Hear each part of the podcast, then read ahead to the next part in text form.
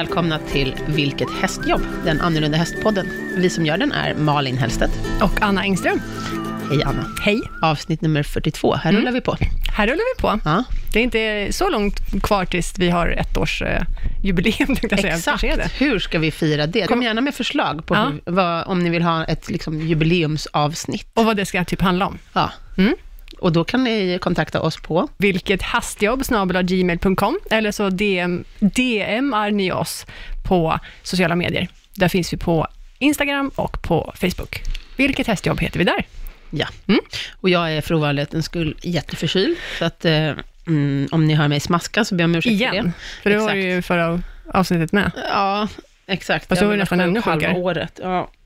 Så idag är vi nästan, nästan sponsrade av Strepsils. Ja. Hur har veckan varit? Eh, den har varit bra. Ja. Jag har varit eh, med dig, eller hängt med dig. Exakt, Mm. mest hela tiden. Mm. Ja, vi nästan bor ihop nu. Ja. Nästan. Ja. Du var ju med mig på SM, eller riksmästerskapen i Working Equitation. Så fantastiskt roligt. Eller hur? Det- Visst var det? Även för dig som publik. För mig var det ju otroligt roligt eftersom jag tog silvermedalj. Ja, Så att, eh, det är, mm, grattis till det igen. tack så mycket. På, om ni inte hört det avsnittet, så lyssna på förra avsnittet och även gärna avsnittet innan, där vi Mm. hade en introduktion om Working Equitation. Mm. Ja, jag är djupt imponerad måste jag säga. Ja, Faktiskt. rolig gren, Det- eller hur? Ja, riktigt kul. Väldigt komplett och eh, ehm, hästvänlig gren, Mm. skulle jag vilja säga, som främjar god ridning och gott samarbete med hästen. Ja, jag, sa, eller jag tänkte det, att nu ska jag hem och sparka igång min, min gamla travare. Men Mm. sen så när jag väl kom hem tänkte jag, nej, även fast han är 17 år så är han inte riktigt mogen. eller så är det jag som inte är riktigt mogen. Jag tror Jag att det är du, Anna, som Ja. inte är riktigt mogen. Det kan vara så. Idag har vi med oss en eh, nygammal eminent gäst, En bekant gäst från förr. eller hur? Ja. William Nilsson Fryer. Välkommen tillbaka Välkommen. igen. Tack. Kort och koncist. Tack. Hur känns det att vara här igen? Eh, Det var jättekul att ta på sig vanliga civila kläder och Ja. hoppa in i bilen och köra till Det är Stockholm. därför vi bjuder hit dig, för att du ska få se någonting annat än stallet. Du som, mis- du som Mr Walker, Fantomen. Ja, just det. Ja. Mm. Mm. Vill du ha ett glas mjölk? Nej. Nej, okej. Han dricker alltid mjölk. Ja. Idag har vi tagit hit William för vi ska prata om att köpa häst. Mm. Vad man, Hästköp överlag. exakt Mm. vad man bör titta på och hur man ska bete sig och, hoppas vi, Ja. bena ut lite sånt. Tips och, eh, Tips och tricks. tips och tricks, Mm. exakt. Veterinärbesiktningar och allt möjligt. Ja, Och jag eh, jobbar ju inte som hästköpare, Nej, eh, sägas. men du är ju tränare. God så- kunskap. Jag är tränare och sen eh, hästtränare och eh, vi träffar jättemycket hästar som människor har köpt där de inte har blivit nöjda med köpet, vilket innebär att det har blivit kommunikationsproblem mellan hästen Mm, och mm. Ryttaren, hästen, ägaren. Och då har vi fått hjälpa dem att reda ut det där. Så eh, nio av tio problemhästar är ju felköp rent utav. Mm. Mm. Så där ligger min Expertis. kompetens, ja precis. Mm. Så att, eh, sen finns det ju väldigt många duktiga hästförmedlare och sådär i Sverige som man kan fråga om sånt där. Men nu, Precis, men det är inte det vi ska Nej, prata om, precis. utan mera hur man undviker kanske Ja. fällor och sånt. Mm. Mm. Och sen är du, skulle jag väl vilja påstå att vi alla tre är hyfsat kompetenta på att titta på fysik och Exteriör. och exteriör för Mm. det vi vill ha, det vi är Mm. ute efter. exakt. Och vi har ju tre olika liksom, specialistinriktningar där, eller vad man ska säga. Ja. Anna trav, jag är mera show och, Mm. och du Mm. fälttävlan, dressyrhoppning får man väl ändå säga. Ja, och sen känner jag mig, vi- jag känner mig lite grann opartisk för att våra, min kärnverksamhet är inte att sälja hästar heller, så att Nej. jag behöver inte på något sätt sälja in mig i hur man ska köpa hästar. Liksom. Nej, precis. Mm. Så behöver det är ingen av oss. En Nej. kul idé att prata Mm. om. Ja, Mm. det tycker vi. Eller hur? Mm. Var börjar man någonstans? Om man är en helt grön människa och ska köpa en häst, är det, vad är det bästa då? Titta på Hästnet, Blocket? Första gångs hästägare Ja. kan man ju bli när som helst Ja. Exakt. och av olika anledningar. Eh, men det måste ju grunda sig någonstans vart man vill komma Mm. med den här köpet. Alltså, eh, vad ska vi Eller göra vad med man vill hästen? göra. Mm, vad, vad ska vi göra med hästen när vi Mm. väl köpt den? Oavsett vad de vill göra så har de sina förväntningar. Och i de flesta fall, de kunderna som vi träffar, så är det att tävla på en viss nivå. Eh, I en, en ja, gren har ju ingen betydelse, utan det är tävling som gäller. Och sen köper de Det är det vanligaste hos, av Ja. era kunder, Ja, att de vill sen- tävla. Ja, och det kan vara på, på låg nivå eller på Mm, hög mm. nivå och på eh, även landslagsryttare. Ja, men målet Som- är tävling. Ja, målet är oftast tävling, de som har köpt hästarna. Eh, och sen visar det sig när hästen kommer hem så kan de inte kommunicera med hästen helt enkelt, för den är inte som de trodde. Och då blir det ju fel helt enkelt. Så att jag tror att det bästa tipset som svar på din fråga är ju att, att man ska lägga undan förväntningarna och, och liksom verkligen eh, kolla realistiskt, liksom, vart vill jag och hitta en häst som, är det här verkligen en häst som är lämpad till att komma dit?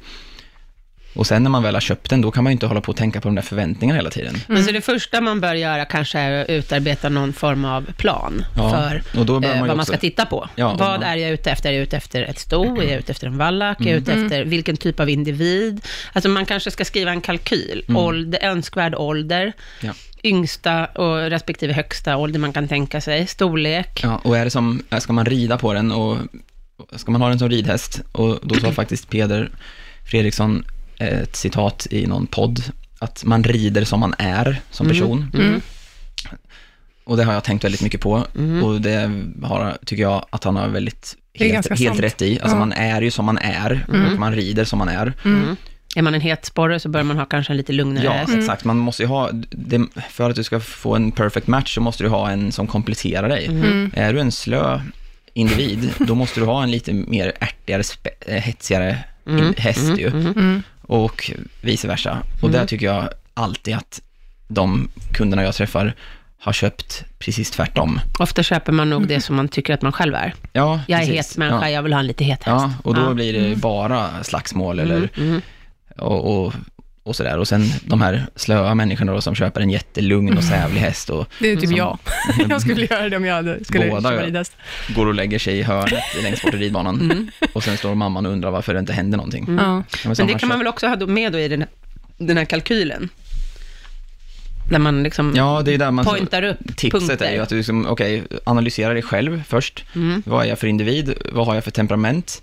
Har jag långt tålamod? Har jag inget tålamod? Eller har jag ett bra tålamod? Har jag ett tränat tålamod? För tålamod går ju att träna upp. Det Absolut. ska ju tränas upp liksom.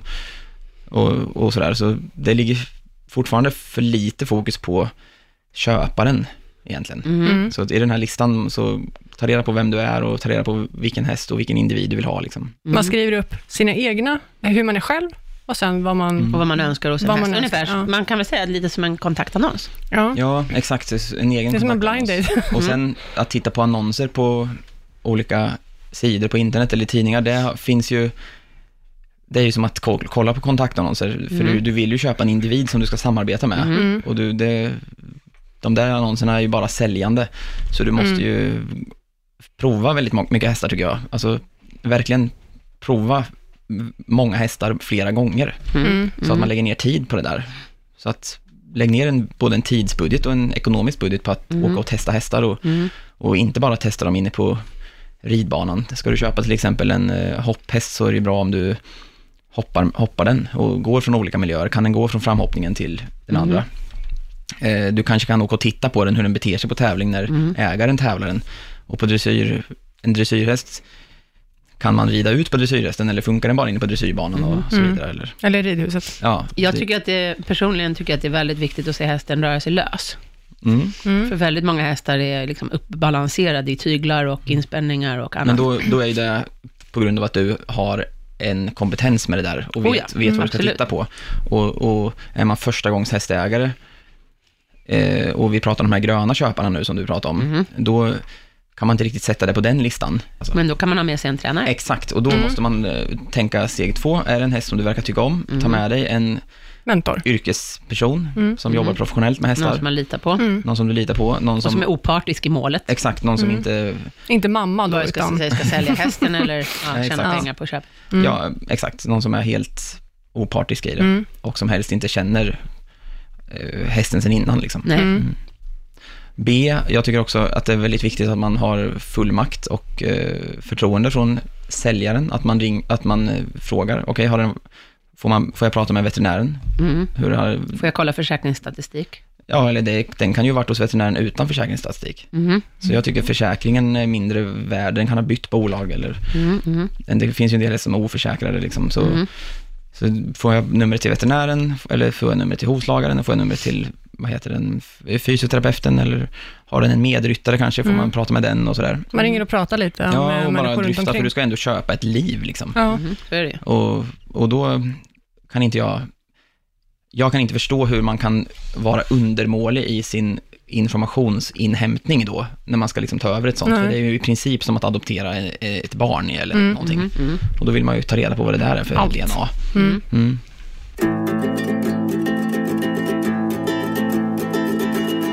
Vad tycker du är bäst? Att man tittar på annonser eller att man kontaktar en hästhandlare eller en förmedlare? Min eh, kära fästmö, Anna Fresgård, hon eh, sitter och tittar på hästannonser väldigt Porr. mycket. Mhm. Porrsurfar. Ja, det gör jag. Ja, och eh, hon kan ju alltså Europas hästmarknad på nätet som vilken por- börsmäklare som helst. Vilken porr höll du på att säga. Börsmäklare som helst. Och grejen är att eh, hon är väldigt duktig på det där. Ja. Så att jag, tyck, jag, jag tycker inte det där är alls intressant, för jag tycker om, jag tycker om att se hästen som den är Mm. när den, och träffa den. För mig säger en bild eller en liten text ingenting Mm. om individen, men vi, hon gör ju det där i syfte att vi letar hästar också Mm. till kommande elitsatsningar och vi har, Till kunder då, eller? nej till oss, Till, okej, till er själva. ja, och till kunder kanske, men till Ja. oss själva. Vi har, vi har partners och hästägare som tillsammans med oss vill investera och köpa kommande och Mhm.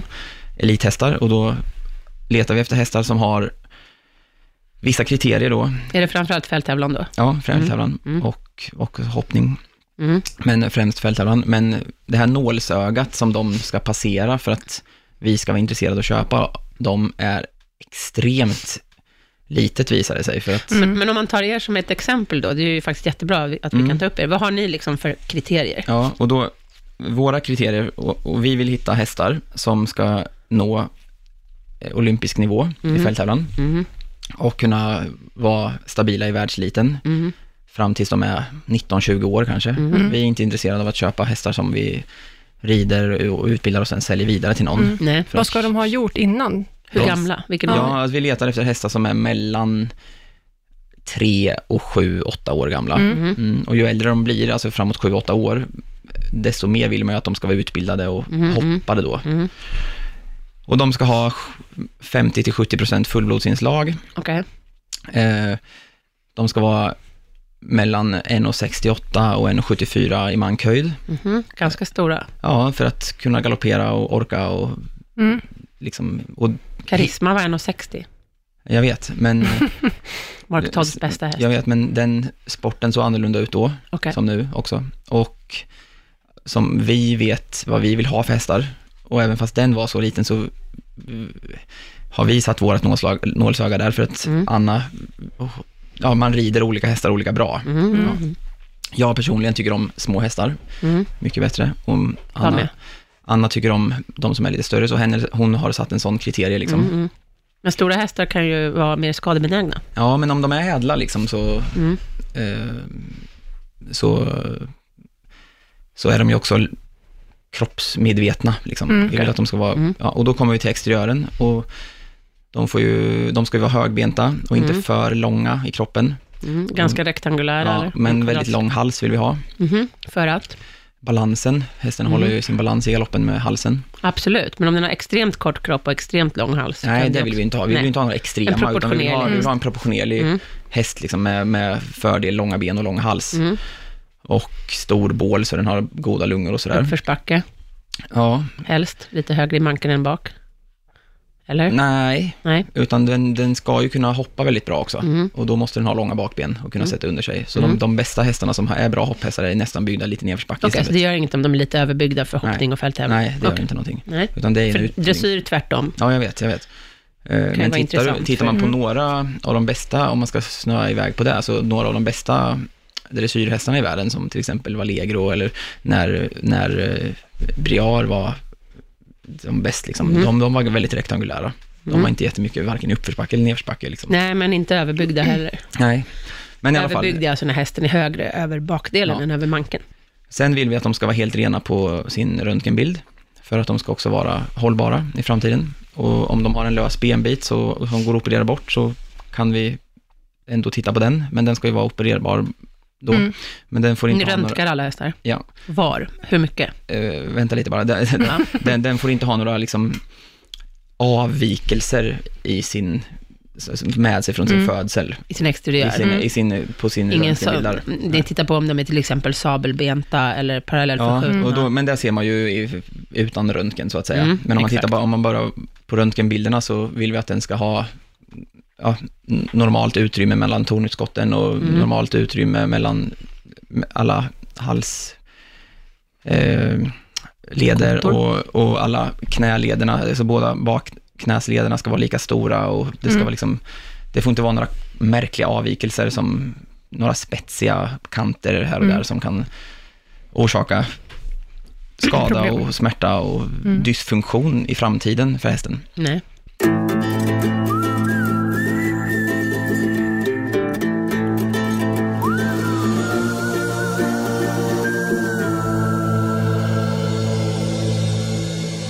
Och sen när man väl har gått igenom allt det där, ja, då ska det ju vara en trevlig personlighet. Mm. Den ska vara speciell i sin personlighet. Den ska inte ha separationsångest, för en sån häst är väldigt svår att ha som tävlingshäst sen. Mm. Mm. Tittar du dem i ögonen?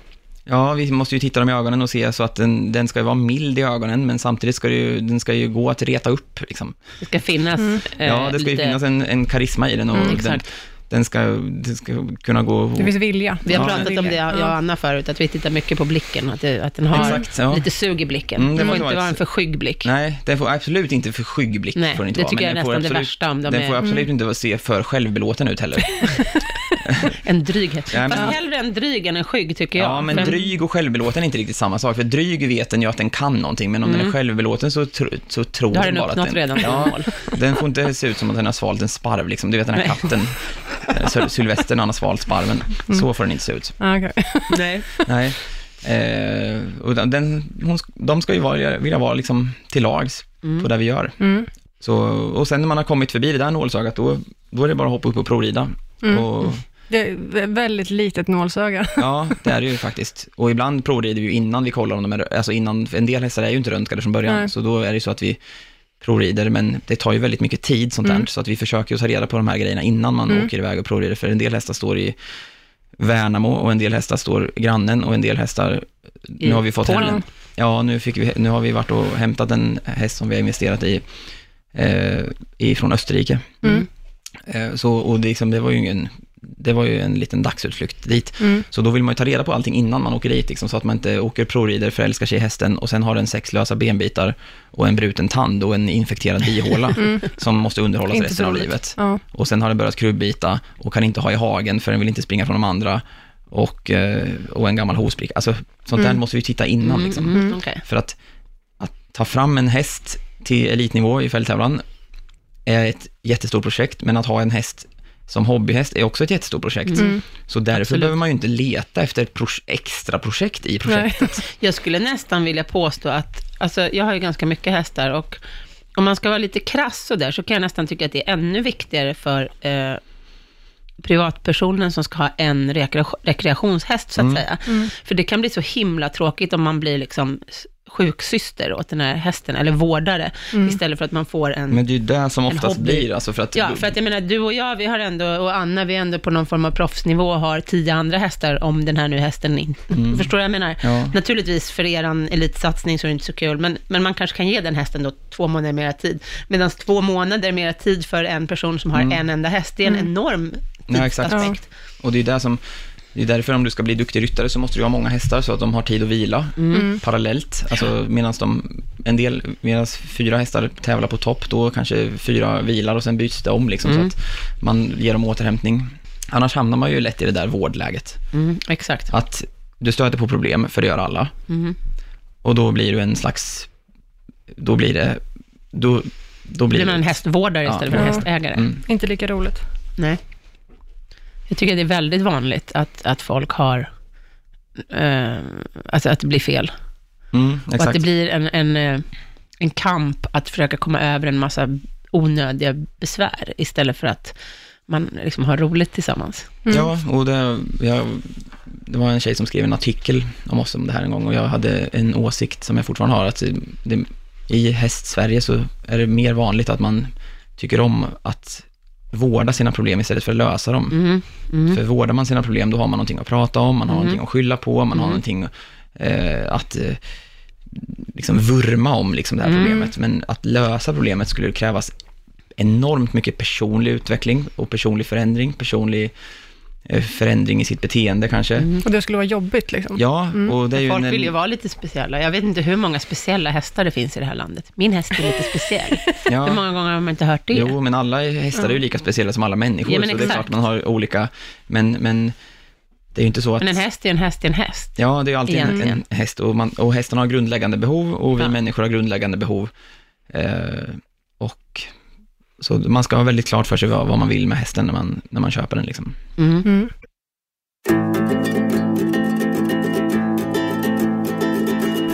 Mm. Så en, en kalkyl helt enkelt och sen noggrant avvägande. Och att man lägger tid och ekonomi på att leta hästen. Mm. Både förarbetet menar Ja. du då när man tittar på Ja, annonser? jag tycker att eller om du, säger att du ska köpa en häst för, vad vi säger, säg en summa. 50 000? Ja, vi ska, den här killen ska köpa en häst för 50 000 kronor. Eh, och han vill komma till en viss nivå i sin disciplin. Och då tycker jag att han ska lägga, liksom, lägga ner 10 timmar på att leta reda på hästar, ringa telefonsamtal, åka till vissa och många stall och provrida hästar och ringa och dryfta och det är liksom det, bensin och tågbiljetter eller Mm. tid, alltså det, det är ju lätt 5-6 tusen spänn där som Mm. går åt, Ja. minst alltså. Men det är så värt det när man väl liksom Ja. hittar den. Hur har vi det i Sverige med hästförmedlare? Jag har ju köpt eh, hästar utomlands ifrån, och nu senast då till exempel två unghingstar i Spanien. Och då kontaktade jag en förmedlare som jag fick väldigt bra förtroende för och som letade upp, jag sa vad jag ville ha, vad jag var ute efter och så letade hon upp ett antal hästar som liksom passade in i de här kriterierna. Eh, och hon letade upp ett antal, hon har skickat liksom hur mycket hästar som helst. Tycker om den här hästen, tycker om den här hästen, den här är si och så gammal, filmer, bilder, bla, bla, bla. Och så har jag liksom då krasst skalat av de jag, ja, och till slut så hade jag kommit ner till några stycken som jag tyckte Mm. var intressanta och då åkte jag ner till Spanien och så tittade jag på allihopa och sen så valde jag ut liksom, två stycken som jag tyckte om. Så. Eh, men har vi, har vi sådana förmedlare i Sverige också? Kan du ringa upp någon och så här, ja, det finns ju både i hoppning och dressyr Ja. och fälttävlan duktiga förmedlare. Om du vill ha en sån häst Mm. speciellt som, som liksom ska ha till ett speciellt ändamål, men eh, det tror jag väldigt bra. Mm. för nu var ju det här mer rasspecifikt. Vill, ja, nej, men det, det tror jag finns grenspecifikt väldigt bra i Sverige och Mm. de tar typ 10% i provision och, och sådär. Och det är nog de... och då letar de, upp hästar åt dig och sen hjälper dig och Ja, kör de- runt dig till de olika hästarna. Exakt, de kunderna, alltså de hästköparna och de hästägarna som anlitar sådana, de kommer nog aldrig till eh, mig. De Nej. blir aldrig kunder till oss, utan vi får de kunderna som tror de kan själva. Ja. Ja. Och För då, det är väldigt, jag har tyckt att det har varit väldigt bra. ja, det är en jättebra en idé liksom, förmedlare. förmedlare. Och, men som i Annas och mitt fall, när vi ska hitta hästar för elitnivå, då, är lite, då finns det också förmedlare på den nivån. Mm. Men då får vi ju hästar som har startat kanske, som redan är Mm. i sporten. Och vi vill inte ha sådana hästar. Vi vill ha en häst som vi ska utveckla helt själva, liksom. Mm. som kanske har gått hoppning och som ska in på fälttävlan. Och skulle vi kontakta en hoppförmedlare, en internationell hoppförmedlare, så vet de inte riktigt vad vi söker efter. Nej, plus att de, då, det blir gren, förmodligen liksom. dyrare för er. Men nu menar jag om, om våra lyssnare ska känna. Ja, men det, där finns jätte, alltså det vet jag om. Jag tycker, Eh, jag tycker själv att det har varit en trygghet att ha en människa det som, kan jag som får mina... Ja. mycket. Och sen, Man sparar ganska mycket tid när man Ja. inte riktigt vet var man själv ska leta, tänker jag. Absolut, och, och, sen när den förmedlaren har gjort sitt jobb, du har köpt hästen, allt är frid och fröjd, då har ju förmedlarens jobb slutat där. Mhm. Och där måste du ju förstå som köpare att nu är det ju upp till mig här. Mhm. Och då kanske jag också ska ha en coach Mm. eller en rådgivare som hjälper mig med hästägandet. För Mhm. att du har din tränare som du betalar eh, 500 kronor för i veckan och åker och tränar en timme Mm. ihop med fyra andra. Och då vill man ställa 30 frågor på den tiden också. Du hinner ställa 10 frågor och du kommer ihåg två svar. Mm. Mm. Mm, och sen åker du hem och sen säger du, ja men jag är den tränaren och litar på det här fullständigt, att det är, det är ett vattentätt system. Mm. Det håller inte. Jag tycker inte det är ett bra sätt för en, att vara hästägare. Nej.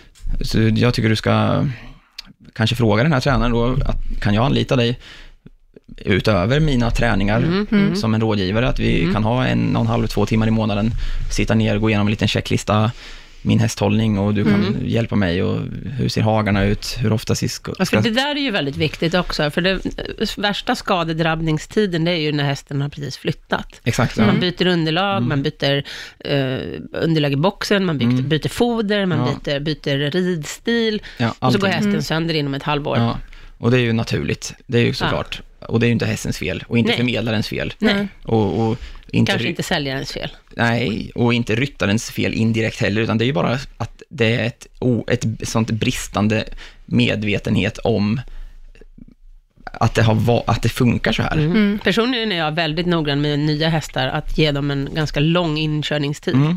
Att landa på det nya stället. Jag tar inte ut dem liksom dag två och rider, Nej. utan de får landa, de får lära känna sin box, de får lära sin omgivning. Jag Är det en månad mycket typ eller?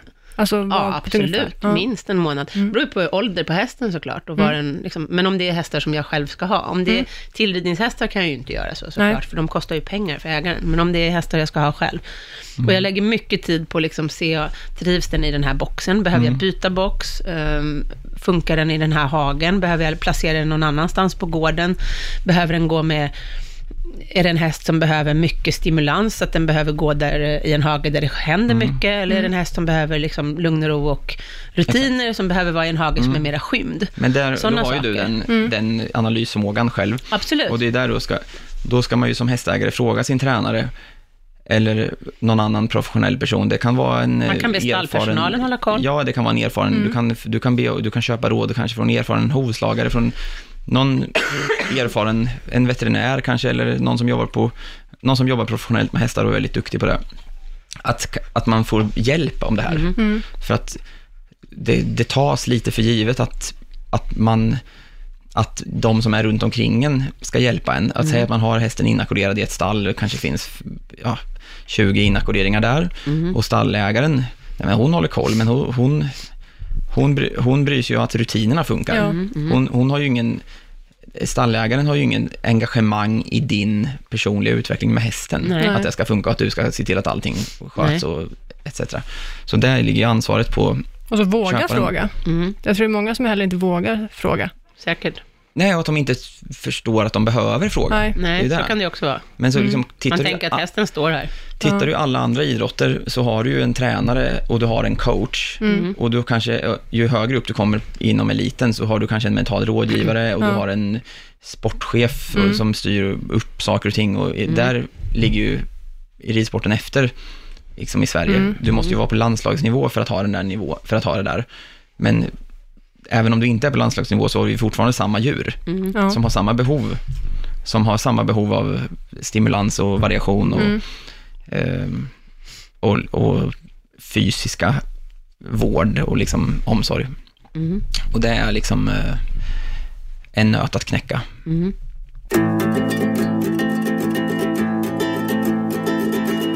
Vad tycker du om veterinärbesiktningar då? Ja, men om vi tar den här äh, 50 000 kronors hästen som vi pratade om. För du, du säger ju att när ni letar häst, då röntgar ni alla hästar. Men tycker Ja. du att det är nödvändigt att röntga alla hästar?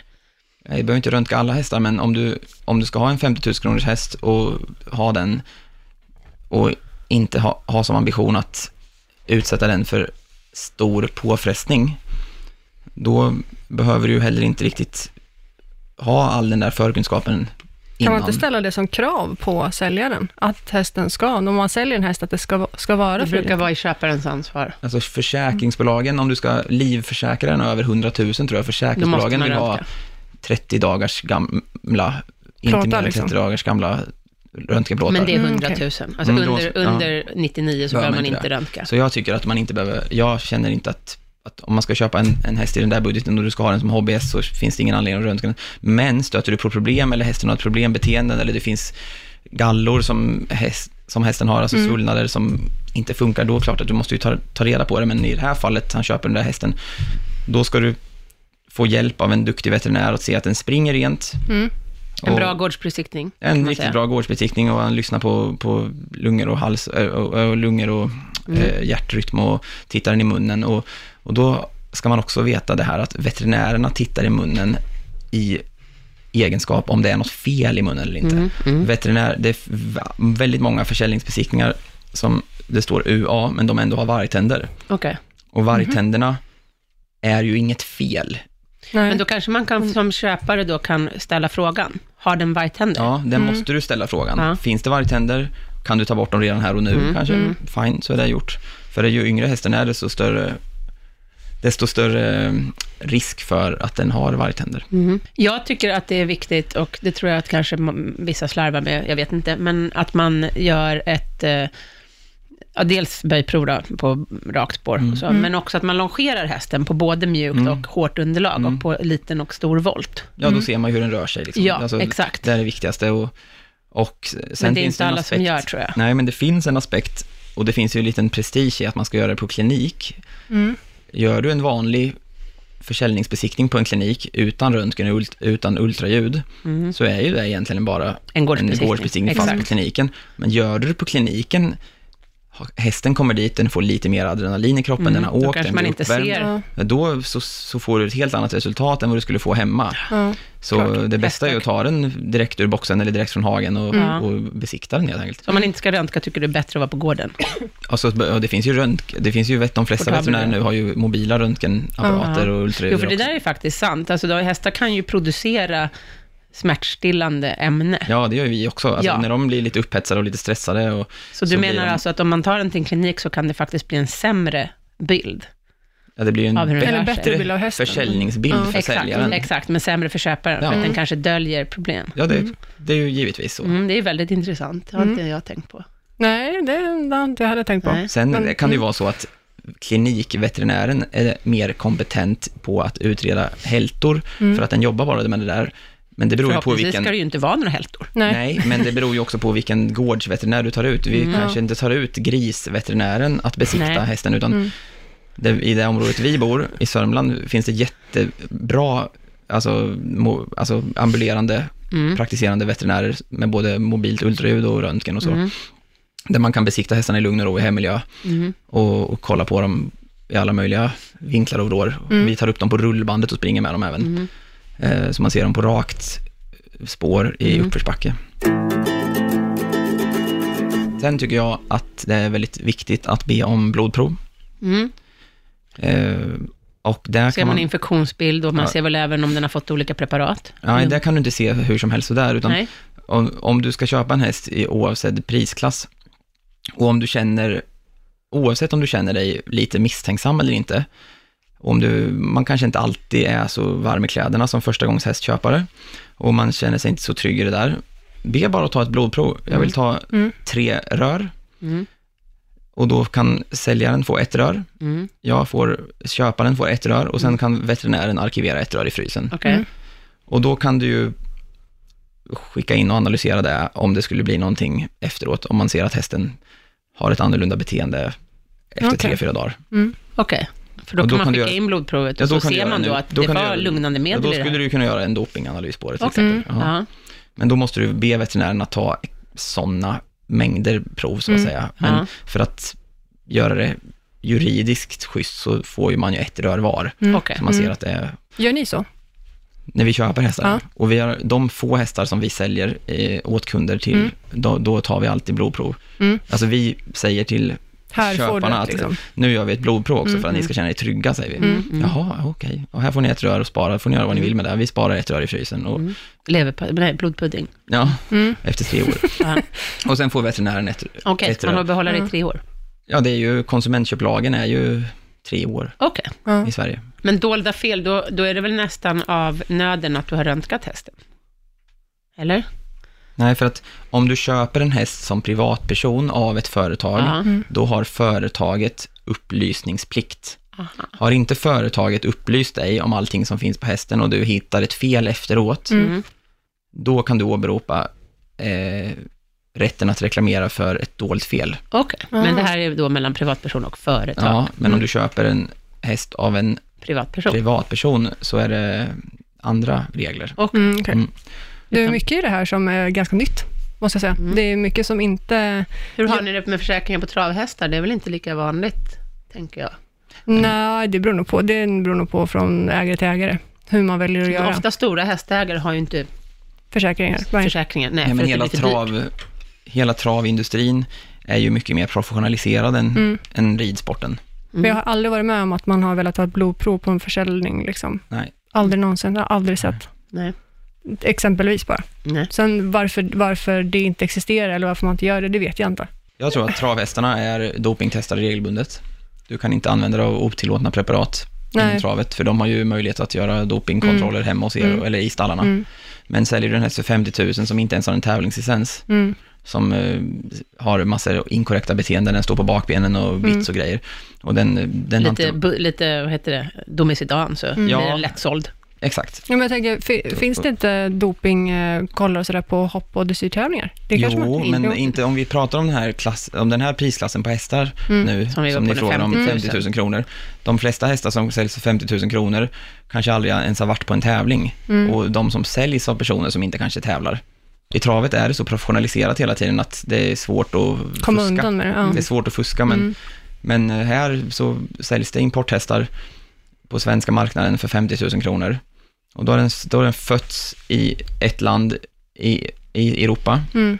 och blivit ut, någon form av utbildning där Mm. och blivit transporterad till Sverige och blivit installad här. Och sen säljs den som 5-6-åring Mm. för 50 000 kronor. Ni kan ju räkna ut vem Mm. som har gjort den förlusten. Mm. Det har ju Ja, kostat mer än det- 50 000 Ja. att ta den dit Ja. under de åren. Och skulle det Och- komma fram inom travsporten att det, det säljs hästar från en viss tränare och sen så visar det sig att de, då, då blir de ju avstängda på heltid. Liksom. Exakt, det, så det är ju 100% det är risk som- professionaliserat i travet och därför Mm. så där förekommer och ingenting blodproven sånt. kanske aldrig förekommer.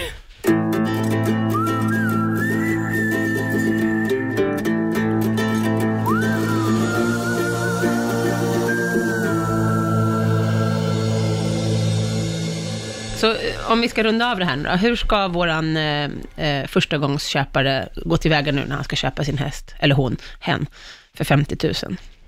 Först en kalkyl. Mm, först ta reda på eh, vad är det för individ man söker, så man gör en egen, egen kalkyl, Mm. som du Vad sa. har man för mål? Och vad är målsättningen med det? Vill man hoppa? Vill man rida show? Eh, Vill man eh, Mm. bara ut i skogen och lufsa? Exakt. Hur är man själv som person? man själv? göra en egen rannsakan och sen Mm. går man med den här informationen och den här önskan till en professionell yrkesman Mhm. som kan hjälpa en och sen betalar man den lite pengar för att hjälpa till och hitta en bra individ och det kan Mhm. vara alltifrån en, en veterinär eller en eh, tränare eller en, någon som jobbar som hästskötare på Mm. ett stort stall eller Mm. någon, Någon med gedigen erfarenhet? ja, någon med gedigen erfarenhet som Ja. inte har någon Vinning? anledning att på något sätt liksom undlåta eh, information till den här personen så att Mm. Nej. det blir något fel, utan en som den kan lita på. Mm. Och be om hjälp helt enkelt. Mm. Och sen är det ju det att budgetera tid och pengar för att åka och prova hästar. Mm. Och alltså minimum tycker jag är väl att man provar fem hästar i alla fall. Ja, ja Alltså, alltså, minimum. du kan ju inte sätta en siffra på det heller, för att träffar du en häst som du blir förälskad i, då måste du ju köpa den. Självklart, men det kan ändå vara, alltså, jag tänker så här, om man är första eh, gångsköpare, så är det väldigt lätt att bli kär i första hästen. Tror du det? Ja, det tror jag. När är jag, skulle köpa, va? när jag skulle köpa min friser till exempel, Mm. alltså de är ju väldigt speciella, vet, stora, svarta, långt hår, mycket hovskägg. Då tyckte jag så här, nej men det är nog bäst att jag åker till Holland, tänkte jag. För att, det finns fler. Ja, Mm. för i Sverige då är det lätt att man kommer till ett stall och så står det en friser i det här stallet. Den ut. kommer Ja. att sticka ut, punkt. Ja, så sant. enkelt är det. Ja. Så att jag tänkte, nej men jag åker till Holland till ett eh, proffsställe. Jag kontaktade en svensk förmedlare som tog med mig ner till det här stallet och de hade ju typ 70 frisrar. Och då fick jag ju lite mera överblick. Exakt. Och sen hade jag valt ut tre eller om det var fem stycken individer som jag tittade på. Och jag blev kär i nummer två eller om det var nummer tre, men jag tittade ändå på nummer fyra och nummer fem också. Mm. Det är ju smart. Ja, Mm. för att veta att det Och blev rätt. vad, ko- om du bara ska ge råd då till lyssnarna, vad kostade hela det där, inte vad hästen kostade, för det är ju, det är ju relativt, Mm. men vad kostade hela mäcket? Från att du struntade i att köpa den där till att du ringde, åkte till Holland och grejer. Det var inte speciellt dyrt, alltså flygbiljetter är inte jättedyrt, men jag menar inte att man måste åka till Holland.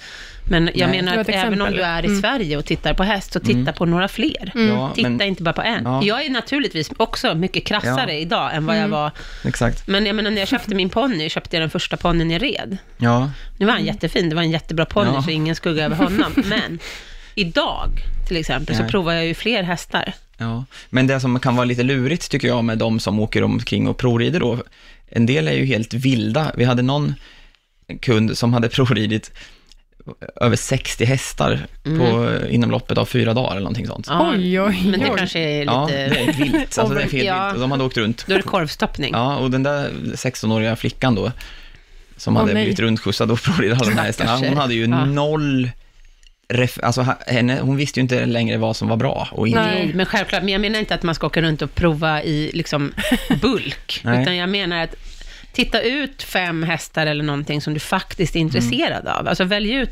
Mm. ett antal hästar som Mm, passar din exakt. kalkyl.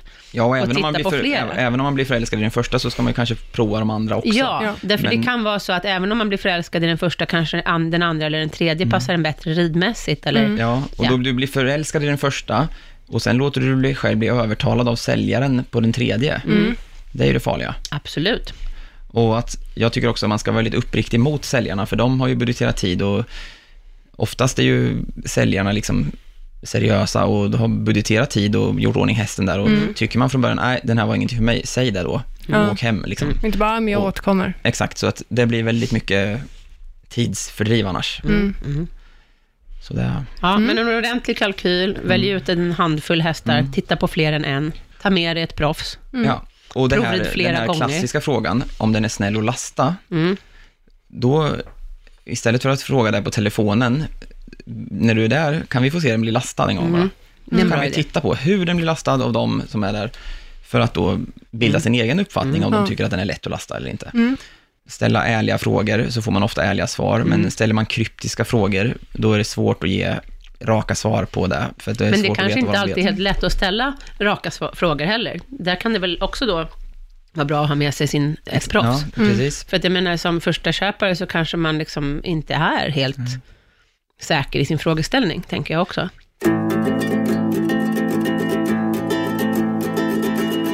Veckans tips då? Är du redo att köpa häst eller inte, eller ska du Mm. utbilda dig mer först? Köp inte svårare häst. Köp, köp inte svårare häst än vad du reder ut och är du redo att köpa en häst överhuvudtaget Mm. innan, ska du utbilda dig lite till, ska du gå en termin till på ridskolan, ska du Mm. kanske vara medryttare lite till, Mm. ska du åka på din semester, åka till ett stort stall och praktisera lite eller mm. få en uppfattning om vad du håller på med. Mm. Så att inte det här blir på bekostnad av hästen. Mm. Mm. Så ställ den ärliga frågan till dig själv. Liksom.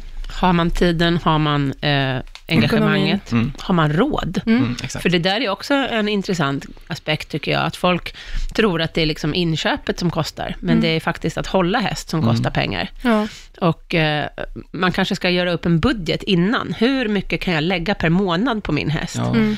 Inte bara att man kollar så här, ah, men på det här stallet så kostar det tre och fyra i månaden och då inkluderar det mat och eh, strö. Ja, och då kommer ju kompetensutvecklingen som den dyra. Exakt. Att köpa kunskap kostar väldigt mycket pengar och det måste du ju också göra en budget på. Så det är ju veckans tips. Och i sådana fall om du ska köpa en häst så ska ju det här, först, är du redo att köpa hästen eller inte? Är du det, budgetera då för att du ska kunna kompetensutveckla dig med hästen. Ja, och i kompetensutveckling ligger ju både träningar, skulle jag säga, hovslagare, Mm. veterinärvård, mm, försäkring, eh, Diverse saker. utrustning. Mm. Kanske, man kanske inte bara går hopplektioner och dressyrlektioner, man kanske måste ta lastträningslektioner, man Mm. kanske behöver ehm, Tandläkare, det finns ju tandläkare, exakt, Vård. eller kanske sån här äh, miljöträningshjälp. Alltså, Eller egen Mm. utveckling inom management, liksom, hur Ja. håller vi alltihopa? Och jag pratade med vår hovslagare, han har slutat, han sa upp några kunder för de skodde för sällan, för att, Mm. av e- ekonomiska skäl. ja, Och, och det är ju likadant där, att har du en häst och du måste sko den så pass sällan för att det sparar pengar, då är det ju meningslöst. Då är Då det without fel sense. där. Ja. precis. Ja, då, då förstör man börja- vinklar och senor och Då kan du leder. börja med någon annan sport Då istället. blir det dyrare på veterinären istället. Ja. Men det är som att ha ett akvarium och så, nej, vi fyller bara på vatten lite ibland, så att det dunstar mer vatten än vad man fyller på. Till Mm. slut finns det ju inget vatten kvar för fiskarna. Nej, Mm. precis. Mm. Ja, nej men väldigt bra tips idag. Extremt bra. Tack för idag. Tack så mycket för att vi fick ha dig här Ja. igen, William. Hej då. Alltid lika roligt. Vad ska vi prata om nästa vecka, Anna? Nästa vecka så får vi eh, besök av Cecilia Skog. Okej? Hon och hennes man har ju startat Stall 43. Mhm. Och Som det är? är? ja, det är ett stall, eller det är en verksamhet för, eh, för trav och hästhantering för barn och unga med autism och Asperger-tillstånd. Aha, Mm. men vad intressant. Ja, mycket intressant. Ja. Det ska bli roligt att höra henne berätta om eh, hennes eh, och hur man verksamhet. hjälper de här barnen. Ja, absolut. Det ska bli Mycket roligt. spännande. Mm. Hästterapi kan man väl säga. Ja, det är lite det. Mm. Mm. Jättekul, missa inte det. Nej, Tack och hej. hej.